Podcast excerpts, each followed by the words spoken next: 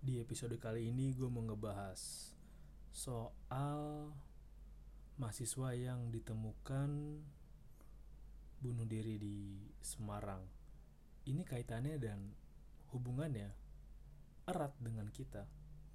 Dan untuk bisa proses ke sana dan untuk sampai ke kejadian kayak gini itu hubungannya panjang dan gue coba jabarin di episode kali ini.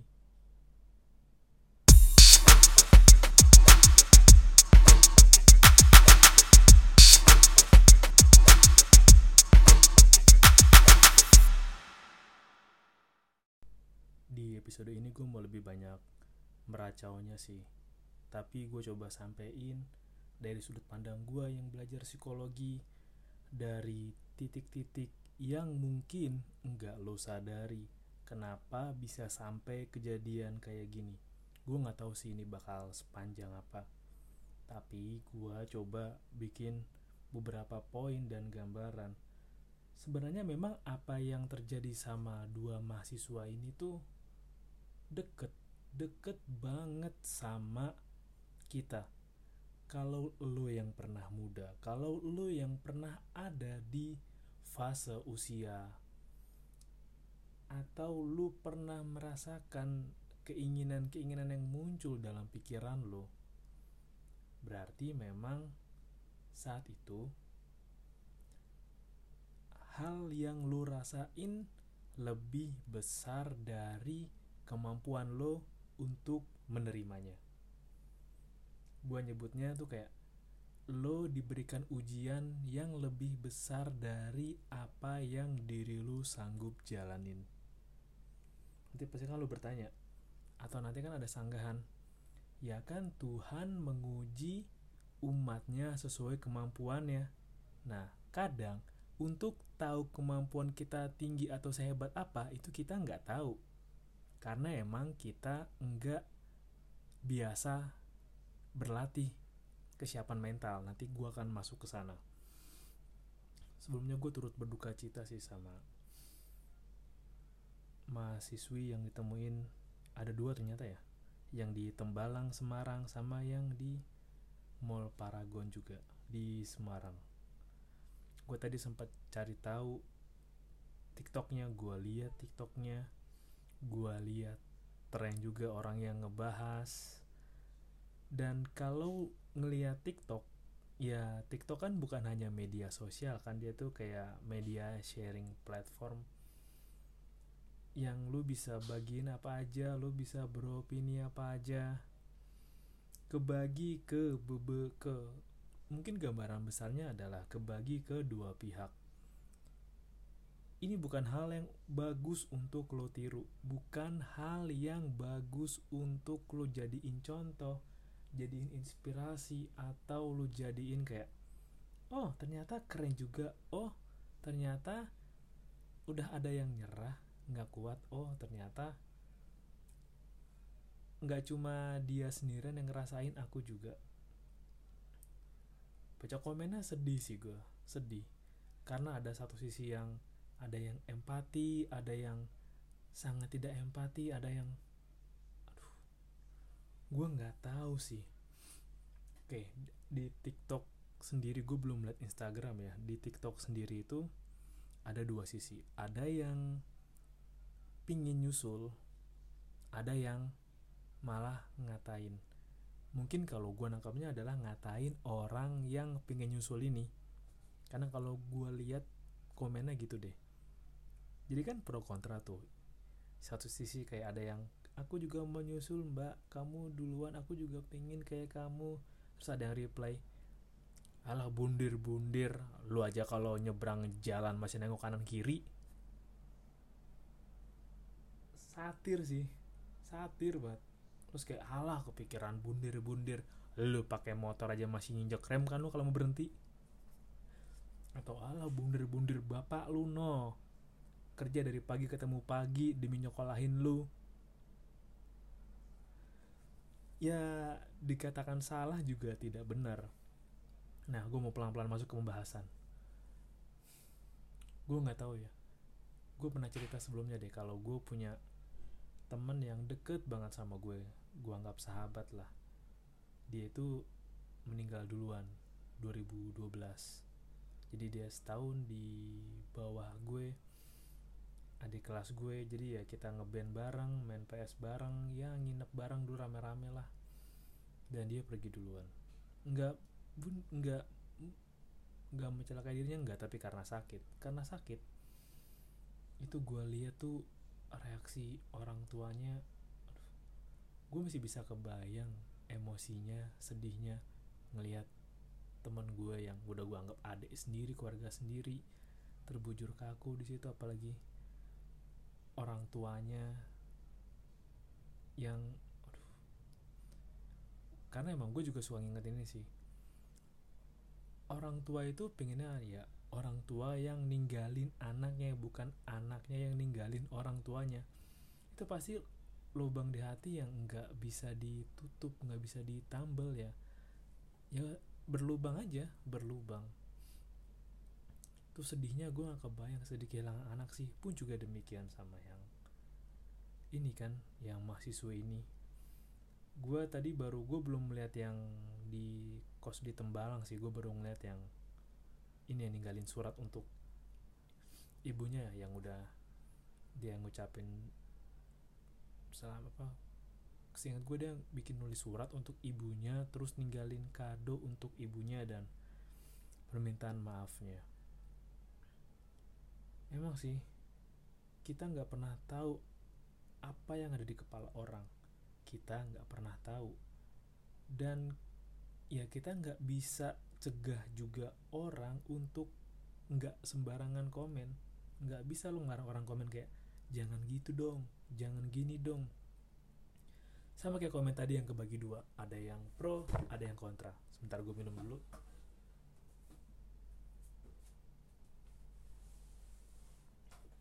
tapi memang empati dulu yang harus diutamain. Empatinya dulu. Kalau sekedar ya ucapan apa pernah ada pembahasan juga kan orang itu enggak ngerti yang kita rasain kalau orang itu enggak ada di posisi kita. Iya betul. Setuju gue setuju lah.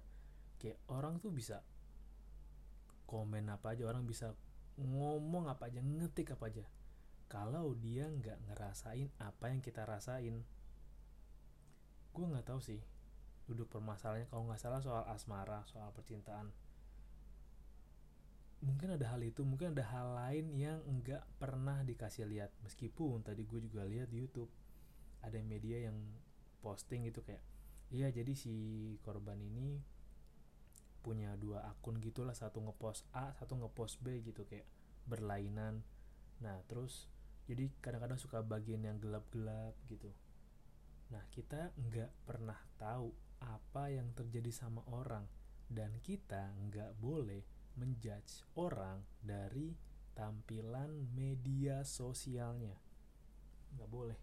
Nggak boleh lah karena media sosial banyak tipu-tipu. Contoh kayak kemarin aja YouTube yang ya apa terima kasih donasi bla bla bla yang gacor-gacor. Ternyata sponsor judi online kan? Atau kayak dulu yang Raja Arab disawer sama Doni Salmanan yang ujung ngedutnya dibalikin. Kita nggak tahu kan? Tapi gue mau bilang gue masuk ke tema yang lain pembahasan yang lain gue mau bilang gue yakin sih yang dirasain kedua orang itu adalah mereka merasakan ujian beban atau hal yang lebih dari apa yang mereka rasain. Kenapa gue bisa tahu? Karena ya gue juga pernah ada di posisi itu. Gue inget-inget gue pernah nggak ya punya kepikiran kayak gitu Enggak deh, enggak. Enggak apa iya ya? Enggak sih. Kayaknya enggak. Enggak juga. Gue nggak tahu ya. Tadi juga ada yang bahas dari segi agama. Memang sih menyakiti diri sendiri aja nggak boleh. Menzolimi diri sendiri aja nggak boleh. jadi lu nggak boleh zolim sama diri sendiri lu nggak boleh ya masuk akal juga lah kalau dalam Islam tuh dibilangin lu nggak boleh menzolimi diri sendiri lu nggak boleh memasukkan benda-benda terlarang ke badan lu kayak lu makan paku makan kerikil gitu atau misalkan ya lu pakai implan atau lo pakai susuk atau lo disuntik-suntik apa gitu biar bagus sementara tuh sebenarnya merusak tubuh lo atau lo terlalu banyak makan makanan yang nggak bagus buat badan lo atau lo terlalu banyak natap HP yang nggak bagus buat mata buat kulit dan buat kepala lo buat otak lo terutama. Itu aja udah nggak boleh karena kan menzolimi diri sendiri kan nggak boleh. Apalagi ini menghilangkan nyawa dengan kesadaran. Pasti kan ada pertanyaan. Pasti ada pertanyaan. Lu kenapa nggak cerita ke temen? Lu kenapa nggak cerita ke psikolog?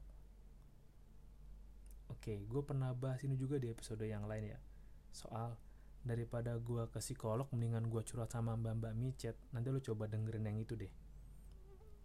Nanti lu akan dapet beberapa perspektif. Dan mungkin lo ada perspektif lain lo bisa tambahin dari perspektif gue di episode yang itu.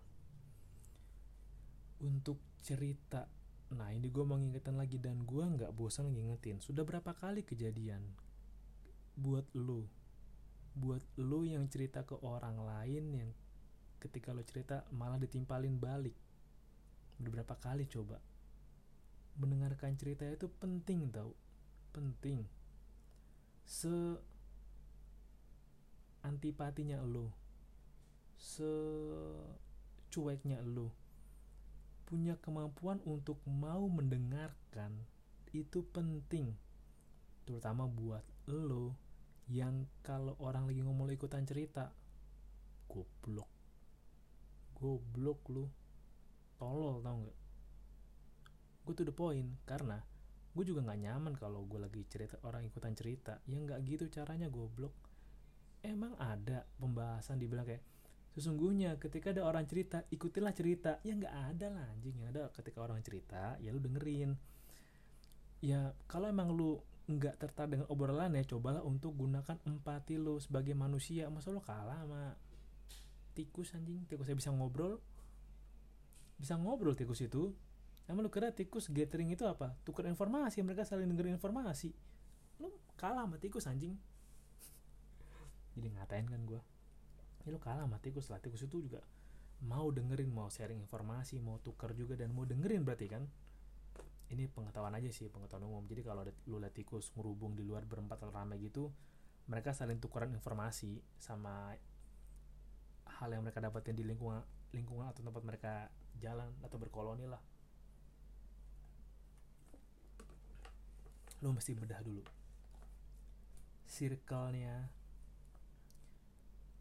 adik-adik ini kayak apa? Punya teman yang bisa dengerin kah? Punya teman yang bisa diajak berbagi pikiran kah? Punya orang-orang terdekat yang mau membantu kah?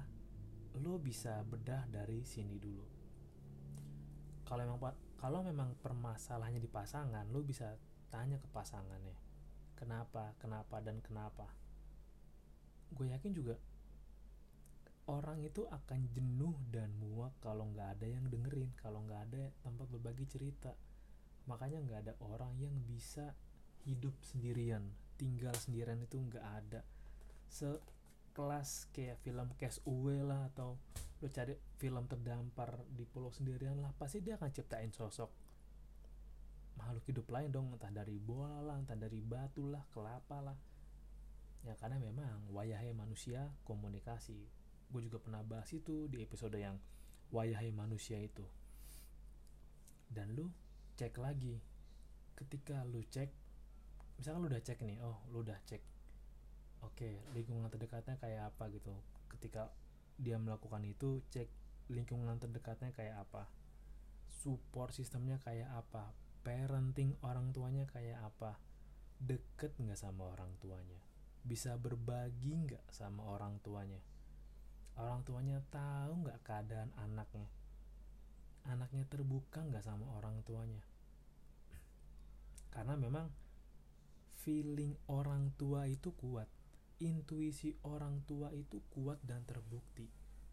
Makanya untuk beberapa orang tua itu mereka bisa tahu kalau lu lagi kenapa-napa. Nggak perlu ngomong cuma sekedar lihat lu lagi lewat lihat dari mata lu atau cara lu makan lah atau pakai feeling lah atau tiba-tiba lagi nyuci piring misal lu dan ngekos sendiri atau lu merantau tiba-tiba lu dihubungin lah sama orang tua lu intuisi orang tua itu melewati batas tempat, waktu, kondisi, cuaca, keadaan kuat itu ikatannya kuat lu bisa bedah di situ. Kayak apa? Kalau memang ada yang kurang baik ketika lu tahu itu lu bantu. Bantu untuk peduli. Karena kita tahu orang itu jarang yang peduli kecuali sesuai atau ada maunya atau ya orang malas peduli karena emang nggak ada keuntungannya buat dia nggak ada yang se nggak ada yang sevisi atau ya sepemikiran sejalan atau nggak ada untungnya. Lo mesti ingat bahwa sifat masyarakat kita itu gotong royong mau yang baik atau yang masih belum baik juga emang sifatnya gotong royong bahu membahu. Lo harus membiasakan itu. Ketika ada lu punya temen lah katanya sulit dari raut mukanya gak enak lu tanya aja kenapa. Ini kalau di kantor gue inget sih dulu gue diajarin kayak ya lu coba untuk peduli dengan sesama lu lu harus mulai duluan lu yang tanya dia kenapa baca bahasa tubuhnya amatin tatapannya. Kalau orang gelisah kan kelihatan kalau orang nggak tenang kan kelihatan. Toh sepandai-pandainya orang menyembunyikan emosi kecuali dia punya kepribadian banyak itu bisa lo lihat dengan mata awam. Bisa lo lihat. Dan untuk lo bisa tahu lo mesti membuat diri lo lebih peka. Jadi ya buat lo yang dengerin kalau lo ngerasa beban lo terlalu banyak lo cari tempat buat cerita. Gue sih nggak masalah kalau lo mau cerita ke gue gue nggak masalah. Lo bisa hubungi gue lewat DM lewat akun TikTok atau lewat email juga bisa sih lowbudget.co@gmail.com lo bisa email gue di sana. Gue udah bilang di awal kan ya gue mau jadi tempat pencerita gue mau jadi jembatan ya kalau lo bingung mau nyampein ya lewat gue juga nggak apa-apa. Seenggaknya lewat gue nanti akan ada tercipta jembatan-jembatan lain yang membuat kita saling kenal, saling tahu dan saling meringankan beban kita.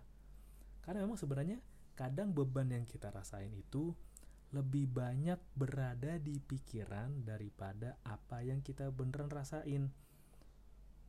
Makanya Seneca bilang, ini Seneca yang Stoicism bilang, kalau lu sudah menderita duluan karena overthinking dengan apa yang ada di pikiran lu, ya lu yang kalah.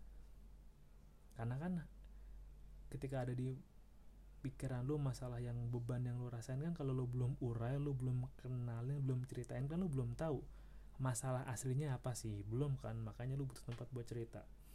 Kalau tadi lu udah circle-nya ke sana lu udah cari tahu nih temennya kayak apa keluarganya kayak apa support sistemnya kayak apa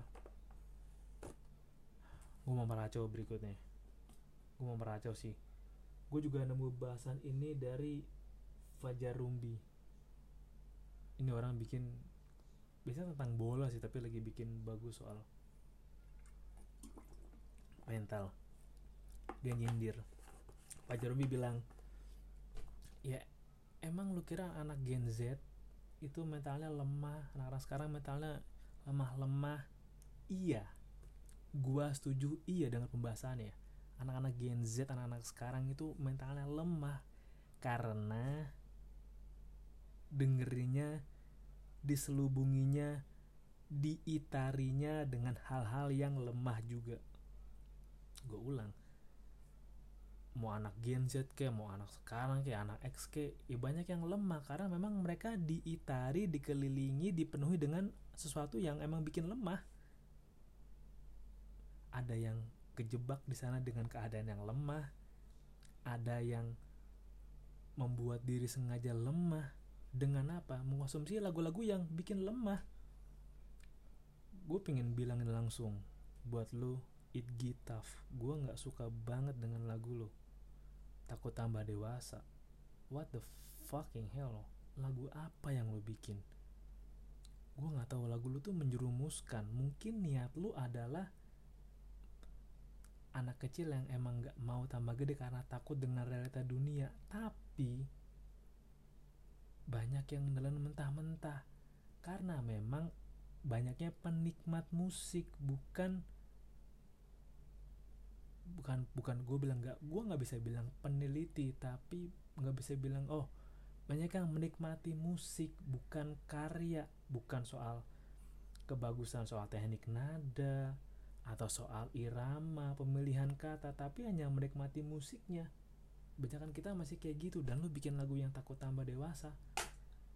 Lu bertanggung jawab lo sama men sama, sama lemahnya.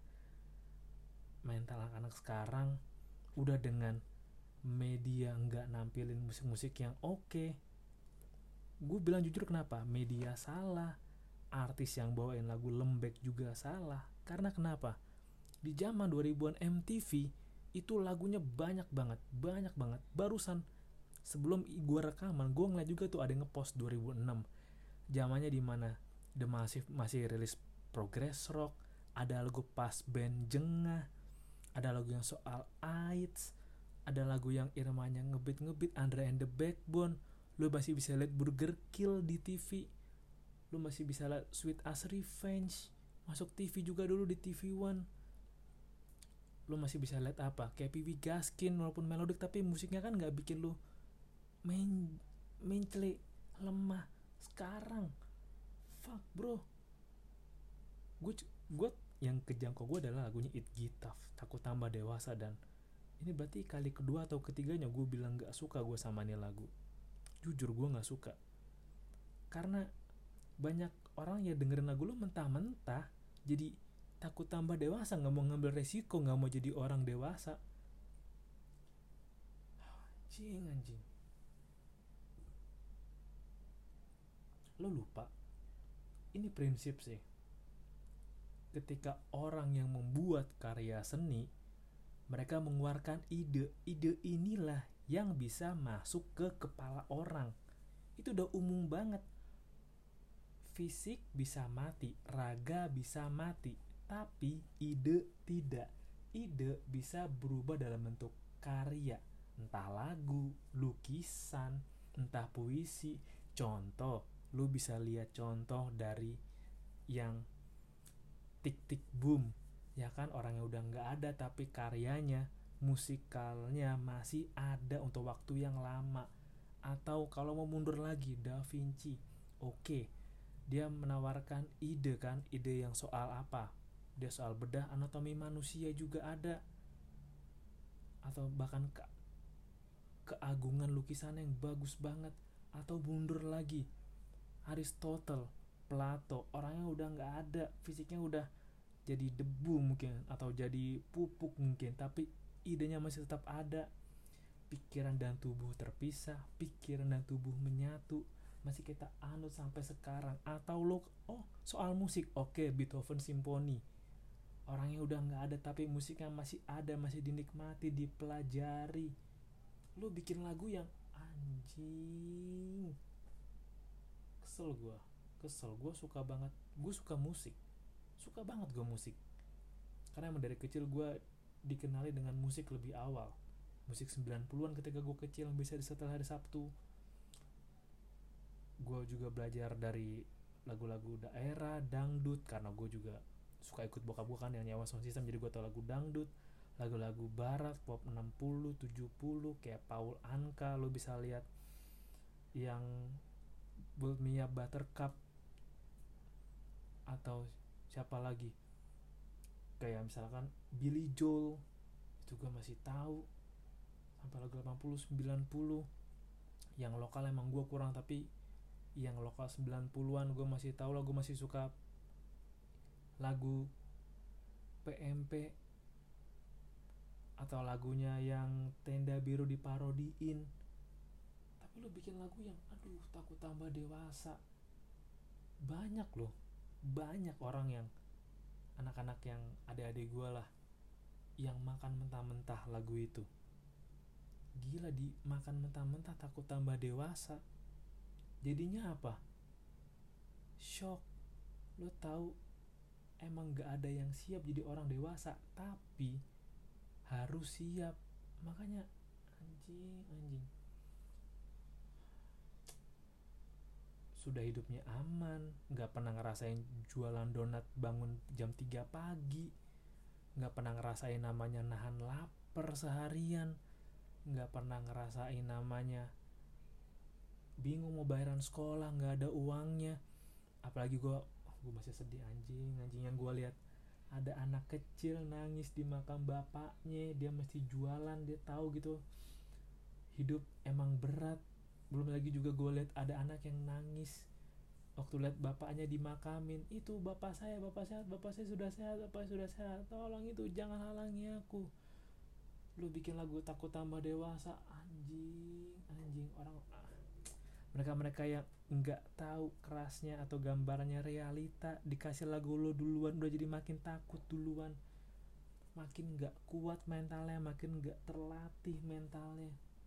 Lo kasih lagu takut tambah dewasa. What the hell you doing?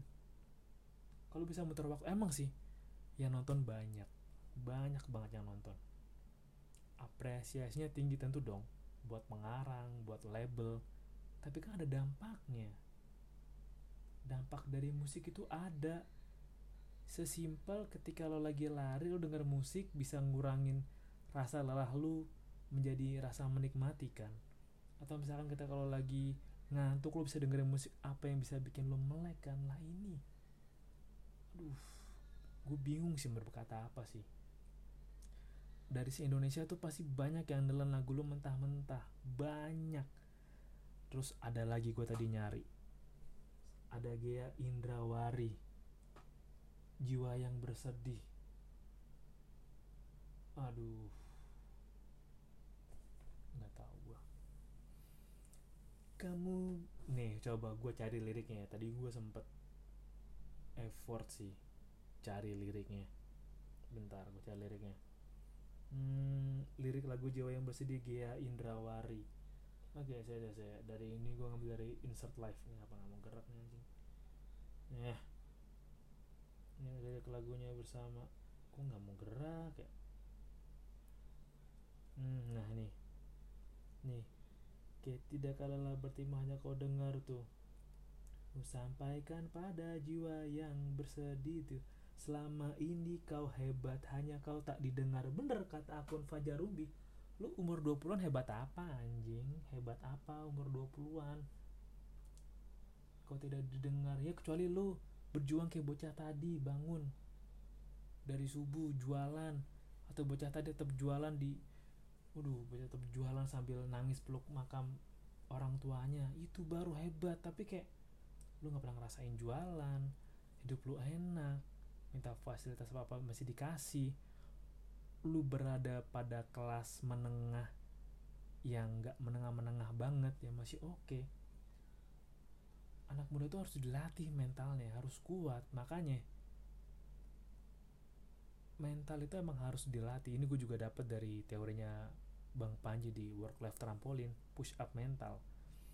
Kalau emang mental lu nggak biasa dilatih biar kuat ya lu shock ngeliat realita lu shock. Ya kayak misalnya kayak banyak anak yang ah nggak mental health aku begini ah mental ini gitu. Ya lu shock aja sama realita. Emang keras realita.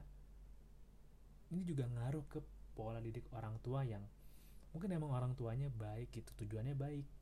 Gue nggak pingin anak gue sulit deh.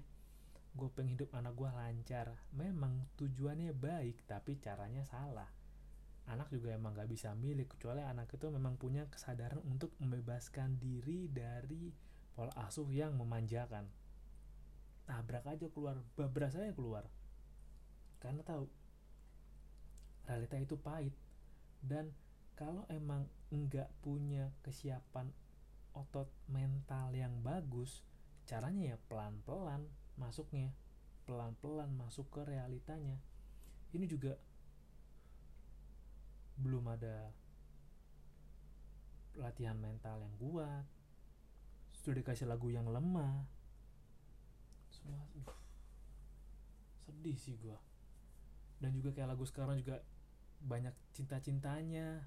Dulu ya band dulu mah enak kalau dengan lagu netral lagu cinta melulu SID penggemarnya ada tapi nggak semasif ya musik-musik industri. Penggemarnya masih ada cuma nggak masif semasif industri dan ya lu bayangin deh kalau misalnya anak-anak yang gue lebih condong ke musisi sih.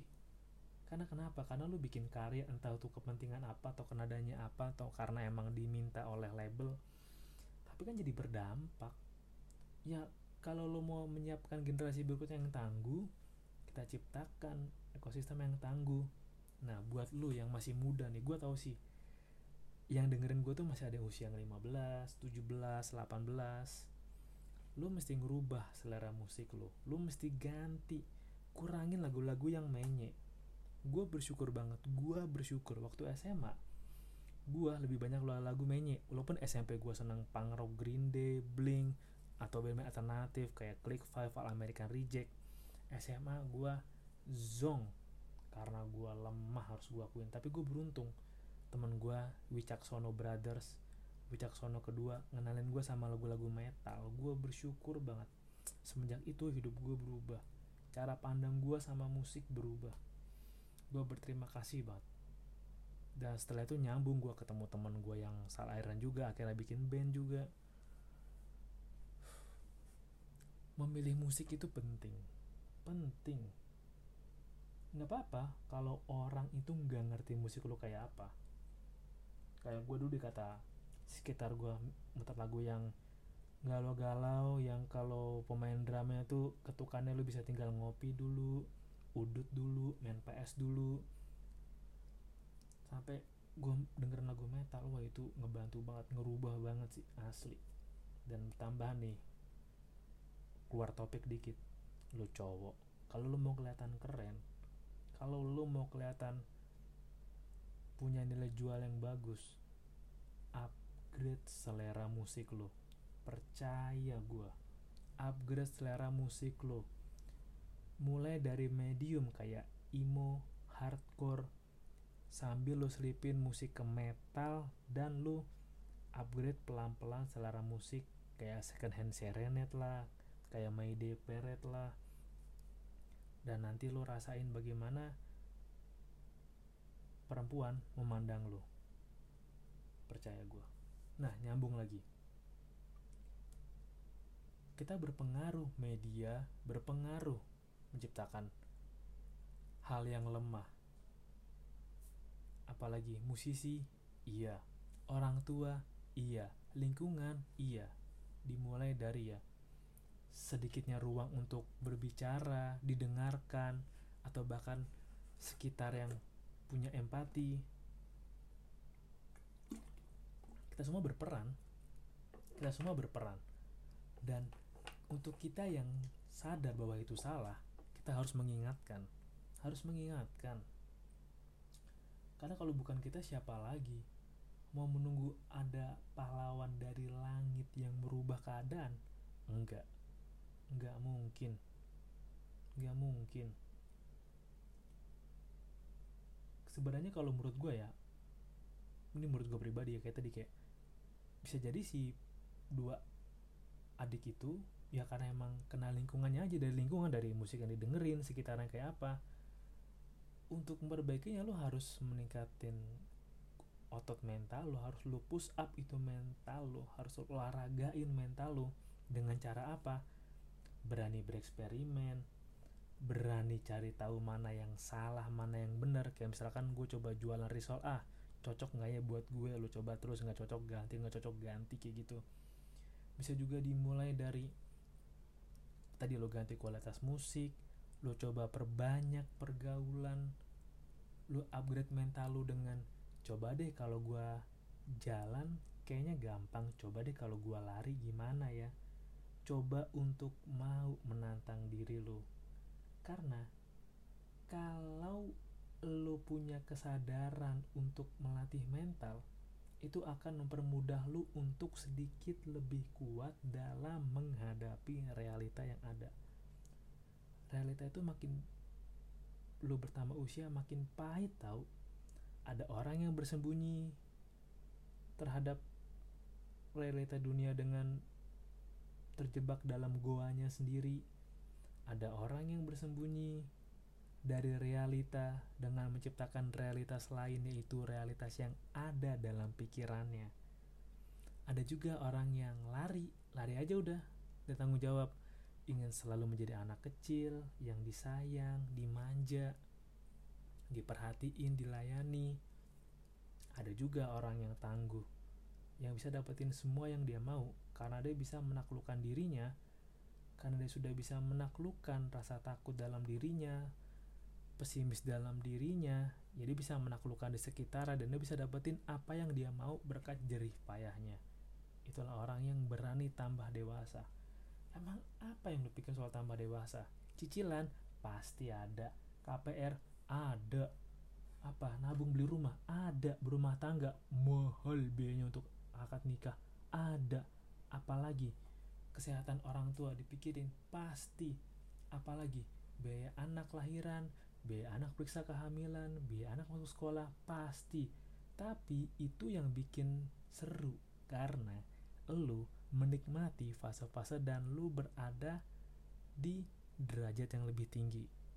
Kenapa menurut gue tuh lu berada pada derajat yang lebih tinggi karena lu memilih untuk mengemban tanggung jawab yang banyak yang bahkan tuh kalau dulu di usia 25 katakan lu baru bisa mengemban tiga tanggung jawab seiring dengan meningkatnya kemampuan lu entah kemampuan kesabaran me kesabaran mental fisik spiritual di usia 30 lu bisa membawa 10 sampai 15 tanggung jawab itu yang hebat itu yang bikin lu itu sebagai manusia manusia yang berfungsi utuh enggak cuma kebutuhan dasarnya terpenuhi, tapi kebutuhan akan aktualisasi dirinya juga terpenuhi dengan baik. Nah, sama kayak tadi Abraham Maslow soal kebutuhan dasar manusia. Ya, sekomunal-komunalnya lo, sesosialisasinya lo, lo tetap sering bertambahnya usia, lo juga membutuhkan aktualisasi diri di mana ya lu diakui, dihargai, dihormati atas keterampilan, keahlian dan kemampuan yang lu miliki. Kenapa? Karena udah seleksi alam dari sananya bahwa dia yang kuat, dia yang hebat, dia yang memimpin sudah ada dari zaman nenek moyang kita. Udah ada lah. Ya kan kayak evolution terevolusi gitu kan. Dia yang kuat dia yang bertahan dan dia yang meneruskan. Tapi kalau lu memilih untuk ah nggak mau ah nggak mau jadi orang gede ah nggak mau jadi orang dewasa ah takut takut suruh bayarin listrik takut suruh bayarin air pump takut suruh beliin garam ke pasar ya udah kalau gitu kalau emang lu sepakat untuk nggak mau tambah dewasa lu harus sepakat bahwa lu harus terjebak dalam tubuh yang sama yang nggak bisa tambah tinggi tambah grow up tetap pada bentuk yang sempurna. Lu harus terima fakta itu dan lu nggak boleh iri dengki julid gibah sama teman-teman yang lo tahu. Dulu bukan siapa-siapa dulu lu kucilin dulu masa lalunya jelek dulu kucel dan udah jadi hebat bersinar di usia yang sepantaran sama lo. Lu nggak boleh julitin itu. Dan gue mau tahu seberapa kuat sih lo yang berusaha mengamankan diri dalam zona nyaman lo untuk tetap cuek dan kebal ngelihat teman-teman lo yang udah sukses. Seberapa kuat? Seberapa kuat? Dan ujung-ujungnya apa? Aku juga mau kayak mereka punya aktualisasi diri yang bagus. Caranya gimana? Bikin sensasi ah bikin akun tolol-tololan lah. Bikin akun bodoh-bodohan ah ya nggak gitu sih. Kayak kemarin aja orang yang viral karena mencoba estetik turun dari tangga terus jatuh memang sih viewnya tinggi tapi ya viewnya tinggi dikenal oleh banyak orang diundang sana sini dapat banyak endorse. Tapi lama-lama ya udah bukan siapa-siapa. Membutuhkan kesiapan mental. Sukses itu milik orang yang berani. Berhasil juga milik orang yang berani kalau lu nggak punya keberanian lu nggak boleh nuntut apa-apa lu nggak boleh minta apa-apa kalau lu nggak punya keberanian. Raco gue udah lumayan keluar jalur nih. Tapi memang gue mau ngingetin bahwa lu tuh harus punya mental yang kuat. Lu tuh harus tahan banting karena tuh gambaran realita tuh bahkan lebih dari itu. Dan emang kalau lu punya keinginan untuk menghilangkan diri lu sendiri untuk suicide. Ya coba untuk ke psikolog psikiater ada kok yang gratis sudah ada. Dan coba untuk mengeksplor kelebihan lo. Sekarang gue masuk ke bahasan yang lain. Ini sih ini gue yakin ya kebenaran yang gue sampein itu 50% 51% akurat dari realita. Karena beberapa contoh yang gue tanyain itu terjadi di orang terdekat gue dan dia dengan apa yang gue lihat aja. Dan apa yang gue dengerin juga apa yang gue baca juga. Menurut gue ya kalau memang lu punya keinginan yang kuat lu punya ambisi yang kuat lu punya dorongan yang kuat gitu akan tujuan akan sesuatu gue yakin sih lu nggak mikirin kesehatan mental lu lu nggak mikirin buat galau akan hal lain di luar arah ke tujuan lu? Gue yakin yakin gue. Karena hebatnya manusia tuh ketika udah punya tujuan udah punya visi misi bergerak dia ke sana. Meluncur. Ada yang meluncur kayak peluru ada yang meluncur kayak anak panah ada yang meluncur jalan. Biasa yang penting jalan aja udah. Nggak peduli apa di sampingnya ini di sampingnya jalan aja ke tujuan.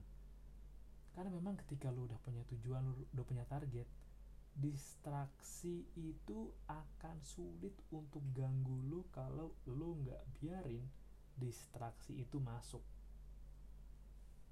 Karena ya gue punya tujuan gue punya target nih. Ah bodo amat yang lain lah. Gue fokus ke tujuan gue aja. Dan untuk bisa punya distrak eh untuk bisa punya tujuan untuk bisa punya target untuk bisa punya arah mau ke mana penting untuk tahu diri lo sendiri kayak apa. Ujungnya memang kembali ke diri lu sendiri kan? Tadi gue juga baca tuh di TikTok ada SPSI kayak dari Semarang atau daerah mana gitu. Dia, dia bilang kan kalau kamu punya tanda ini kamu segera ke psikolog harus ada yang komen. Ah percuma. Udah ke psikolog beberapa kali ujung-ujungnya kembali ke diri sendiri terus ya dia balas iya bener memang gitu. Bahwa kita ya orang yang punya gelar punya pendidikan yang kompeten untuk itu menyarankan yang memang kembali ke tujuan diri sendiri kembali ke diri sendiri. Karena apa? Karena lu yang ngejalanin lu yang tahu diri lu kayak apa dan lu diminta untuk bertanggung jawab sama hidup lu dan pilihan-pilihan yang akan lu ambil. Kalau misalnya nanya lah kenapa nggak tentuin pilihan buat aku kak aku kan ke sini buat dibantu nyiapin pilihan dan kakak bantuin aku milih atau saranin aku pilih yang mana? Jawabannya enggak, karena setiap manusia bertanggung jawab sama dirinya sendiri, bertanggung jawab untuk memimpin dirinya sendiri. Di agama udah ada kan? Setiap manusia adalah pemimpin yang bertanggung jawab untuk memimpin dirinya sendiri mau ke mana? Dan kenapa emang ketika lu minta saran ke psikolog, psikiater, ujungnya ya kembali ke diri lo karena selain lu yang tahu kayak gimana lu yang ngejalaninnya juga diminta mereka minta lu untuk lu untuk mau mengenal diri lu lebih dalam. Jangan-jangan ada banyak potensi hebat yang sebenarnya udah ada sama lo tapi lo abaikan karena lo nggak mau eksplorasi diri lo sampai sejauh apa. Terus ah masa sih aku punya kelebihan ini kak? Ah masa sih kalau aku udah coba dalam waktu yang lama terus nggak berhasil gimana? Ya nggak gimana gimana memang kayak gitu kan manusia kan emang kita kan berjuang untuk hal yang nggak pasti ya misalkan lu lu latihan nyanyi tekun. Terus lu latihan suara lu bagus lah kosa kata ya penguasaan lagu lu banyak kan tapi nggak menjamin lu jadi penyanyi banget kan. Ada yang memang ketika lu punya suara bagus tapi lu nanti ujungnya jadi misalkan jadi komposer atau jadi pembuat lagu macam-macam kan. Yang penting memang kan seberapa disiplin lo latihan seberapa lo disiplin latihan mengembangkan diri cari relasi cari pinpoint lo di mana itu yang penting gitu. Dari momentum untuk merubah hidup lo gimana. Nah dari situ kan. Kenapa gue bisa yakin gue rasa kalau memang anak-anak muda itu ya ada adik gue yang di sana lah yang masih kuliah-kuliah juga gue tahu nih gue mau ke mana gue tahu mau ngapain nih gue yakin sih nggak bakal tersesat mereka nggak bakal galau-galau yang aneh gitu. Paling sekalinya galau oh ya udah galau lah. Gue masih nggak kehilangan diri gue gue masih nggak kehilangan visi gue ya udah gue lanjutin aja terus. Dan cerita-cerita galau keinginan-keinginan yang atau mungkin memori-memori yang nggak enak ya jadi cerita aja jadi bahan baku otot mental lu untuk lu tetap maju. Karena juga meskipun lu tetap bergerak ya lu maju ya. Tapi kalau lu nggak punya otot mental yang kuat ya maju lu pelan. Bahkan ada yang kayak jalan di tempat. Nggak ke mana-mana aja udah. Katanya pergi jauh be udah energi banyak. Keluar energi banyak. Keluar usaha banyak. Pas dilihat ternyata geraknya hanya dikit banget. Kayak terumbu karang ya kan? Kalau nggak salah sih ini penelitian terakhir terumbu karang itu tumbuh 1 sampai 2 cm per tahun.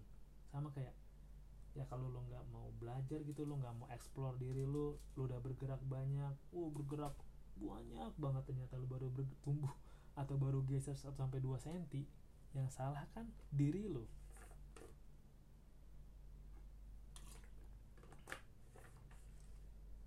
terus balik lagi kan kenapa diriku yang salah kak ya karena kenapa diri lo yang salah? Karena memang kita punya diri kita sendiri. Kita punya diri kita sendiri. Kita yang bisa ngendalin diri kita nih. Kita mau apa? Mau A B C D E. Dan gua akan masuk lagi ke tema pembahasan. Emang sih ketika lu punya diri lu dengan segala kelebihan kekurangan lu ya misalkan lu tahu kelebihan lu lu pinter masak lu pinter ngebedain mana bumbu-bumbu dari aromanya lu punya kepekaan hidung yang bagus misalkan tapi kekurangan lu misalkan lu cerewet lu bawel gitu terus lu overthinking dan lu nggak bisa berdamai dengan hal itu. Salah satu caranya dengan menyakiti diri sendiri tapi ini ada sih. Ada orang yang merasakan damai dan tenang ketika dia sudah menyakiti dirinya sendiri. Jadi kayak misalkan ada ini kayaknya sih kejadian mungkin di anak muda gue gak tau sih. Kayaknya masih usia 17-an ke bawah lah atau 17 sampai 19 lah. Ada tipe gini tipe yang ah aku tahu nih pacar aku cowok aku bohongin aku nih katanya dia belajar di rumah tapi dia keluar main PS sama teman-temannya. Di ceweknya marah kesel terus kayak nyilet dirinya sendiri gitu. Atau mungkin kayak misalkan cowoknya bohong ternyata dia jalan sama cewek lain terus dia nggak terima akhirnya ngelukain dirinya sendiri gitu biar nih lihat nih tanda aku sayang sama kamu nih. Dia lukain diri sendiri di silet. Dulu zamannya gue itu lumayan rutin loh. Gue lihat gitu ada postingan di Friendster atau di Facebook yang awal-awal ada yang nyilet dirinya sendiri gitu nyilet tangannya. Nyilet tipis aja tipis. Pakai silet kayak silet gilet gol gitu yang isi ulang dulu. Dulu kan silat isi ulang kan tuh yang kayak persegi panjang gitu. Itu ya udah ada yang disilat di lengan tapi nggak ada yang di urat nadi nggak ada sih. Kebanyakan di lengan. Dan dulu gue juga pernah kayak gitu. Namanya juga zaman tolol kan gitu kayak oh gue dulu nyilat kuku gue deh karena gue berbuat hal bodoh gitu gitu karena memang ya emosi-emosi yang dirasain oleh anak usia labil tuh emang gitu kan krisis identitas kan me versus myself kan. Ini gue gini bener nggak sih? Ini gue kayak gini bener nggak sih? Masih kayak gitu. Dan ketika lo masih di usia krisis identitas lo masih di usia yang pencarian jati diri lo dikelilingi oleh hal-hal yang yang nggak bikin lo tambah maju yang nggak bikin mental lo kuat yang malah ya lenje-lenje lemah-lemah yang lebih lembek gitu. Yang ada lu malah jadi makin lembek. Nah ini masuk ke pembahasan nih. Gue juga sebel sih gue orang yang iya kamu udah capek ya? Istirahat dulu. Nikmatin waktu dulu. Kamu udah berjuang keras hari ini. Gue gak sebel kayak gitu sih. Kenapa? Karena mungkin ada yang oh gitu aku berasa dimanjain kak. Aku nggak pernah ngerasa kasih dari kecil. Ya ada. Tapi kan kayak ya ya emang keras ya Lita. Kenapa? Hadapin goblok. Gas. Nah itu persetan. Ada pintu hadapin. Anjing gitu. Gue lebih suka rock and roll sih kayak ah gini doang. Ah lagi lagi beri lagi. Ah gini doang gitu. Karena ketika kalau dikupuk itu kayak ya lemah aja gitu ke sana gitu dikuat-kuatin. Dan gua hampir kena kayak gitu dulu hampir. Kayaknya hampir pas 2000 berapa ya? Gue lulus kuliah apa ya? Hampir gua kena. Tapi untungnya musik metal menyelamatkan saya. Kalau nggak jadi kayak kamu jadi kamu beruntung banget ya. Ada yang ngertiin kamu ada yang dengerin kamu. Hampir gue jadi orang kayak gitu kayak aneh banget anjing. Di mana gairahnya di mana semangatnya di mana menggebu-gebunya buat kita bergerak maju. Hanya lenje kayak capek dikit nggak apa-apa kamu udah berjuang hebat. Lelah dikit oke sabar ya tenang. Badan kamu juga perlu istirahat kok. Kontol kayak dah emang realita keras anjing. Mana sini? Dah emang keras ngentot tak gue hadapin lagi nih anjing maju lo gitu. Gue yang gitu sih kayak ini memang keras kalau emang gue mau maju ya majunya yang keras jangan maju dikit-dikit. Emang gue siput. Kalau gue bisa milih lari kayak kelinci ya gue lari kayak kelinci lah. Ogah lah gue maju kayak siput. Yang ada nanti gue ketinggalan kesadaran mental ketinggalan nanti asli. Ketinggalan kesadaran mental tuh kayak apa ketinggalan kesadaran yang sudah bertambah tua sudah jenggotan tapi masih kayak bayi. Nyebutnya apa ya? Oh kalau kata Mas Hasan sih bayi berjenggot. Jadi udah usia bertambah tua udah jenggotan sudah punya bulu dada bulu jembut. Tapi masih takut mengambil keputusan masih belum bisa mengendalikan emosi masih maunya dimanja dilayani maunya rebahan di rumah maunya malis-malisan tidak mau berusaha karena sudah punya sedia sudah punya sedia semuanya di rumah sedia PS wow makanan-makanan manis minuman manis. Memang sih hidupnya enak tapi lebih enak mencoba banyak hal dong. Ya kan? Emang hidupnya enak tiap hari bisa main game main PS gitu tapi kayaknya lebih enak ke curug deh gitu. Jalan-jalan ke curug ngeliat-ngeliat air terjun atau ke pasar di gunung belinya pakai kiris. Kayaknya lebih menarik dibanding bersembunyi di goa yang fase itu eh goa yang fana itu. Dan gue mulai sadar sih kayak wah ini bohongan nih kayak ah semua ini fana gitu. Ada kepemilikan barang yang fana lah semua yang fana lah. Yang realita apa? Yang realita adalah apa yang bikin lo seneng apa yang lo bahagia jalanin dan apa kenangan-kenangan yang indah dalam pikiran lo terus kayak aku tambah dewasa. Memang aku tambah dewasa tapi lu nggak bisa nyalahin diri lu kalau kenangan dan cerita lu nggak banyak. Karena lu udah takut tambah dewasa duluan. Ya dewasa lah. Keren bro. Kalau lu bisa handle untuk bayar cicilan KPR nyiapin buat tabungan anak ngatur belanja bulanan nyiapin dana darurat siapin untuk bayar listrik dan lain. Lu bisa atur semuanya itu keren bro. Lu bisa memanage itu semua itu keren. Asli. Apalagi kalau lu bisa bayarin ade lu sekolah lu bayarin kebutuhan buat belanja di rumah lu dukung juga. Ada lu untuk usaha. Wah itu keren bro. Emang apa enaknya? Apa kerennya jadi bocah terus? Hah? cuma bisa mandi wajib ya. Cuma bisa tidur tiduran mata tambah minus main HP mulu kepala pusing kena radiasi dari HP tiap malam nangis mulu dengan lagu It Gitaf apa enaknya jadi bocah melulu. Hawa untuk berjuangnya tidak banyak ceritanya tidak banyak. Taunya hanya makan makan makan dan makan. Tidak layak untuk dihargai, dihormati kecuali bapaknya punya privilege. Itu juga tidak ngaruh sih apa enaknya dari takut tambah dewasa jadi anak kecil mulu? Apa? Ya memang sih. Tidak bisa tidur siang dengan nyaman. Harus berdamai dengan hari minggu yang tidak ada kartun kayak sekarang. Tapi kan bebas. Bisa beli ini itu pakai uang sendiri. Bisa jalan-jalan jauh. Gak perlu khawatir dan takut ditanyain. Apa enak aja di bocah? Jalan-jalan gak bisa jauh apa apa enak ya?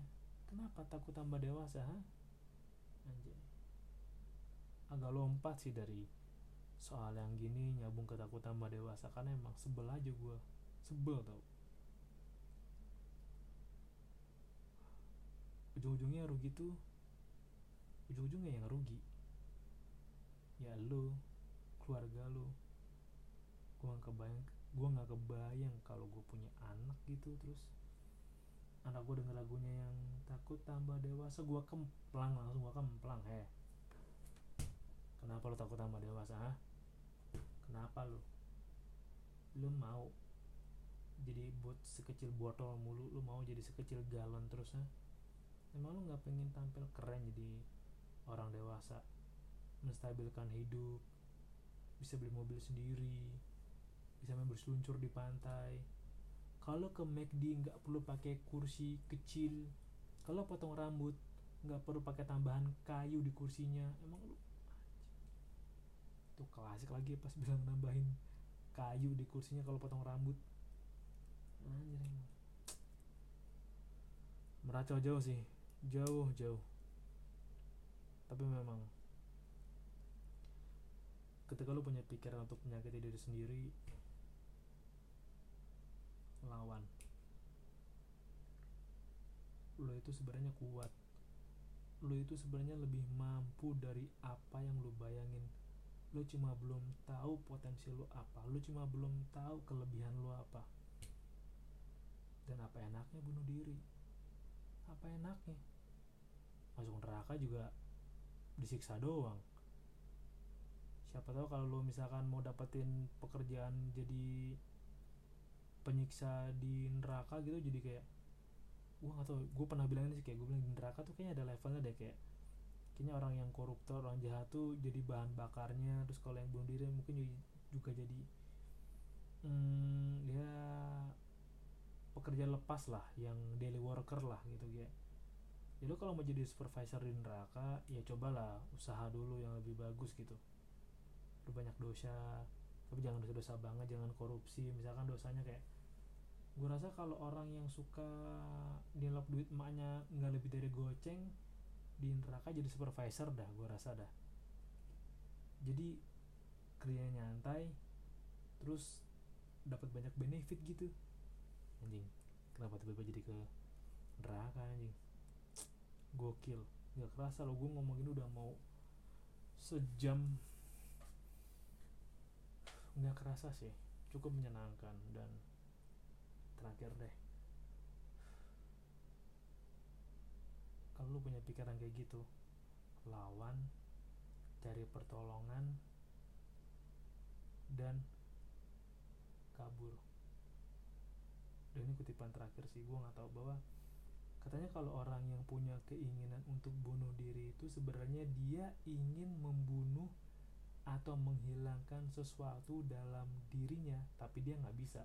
Makanya dia mencelupkan semuanya. Makanya kayak ketika orang beneran tenggelam gitu kayak ada orang mencoba bunuh diri dengan tenggelam dia tetap berusaha narik ke atas berusaha cari udara.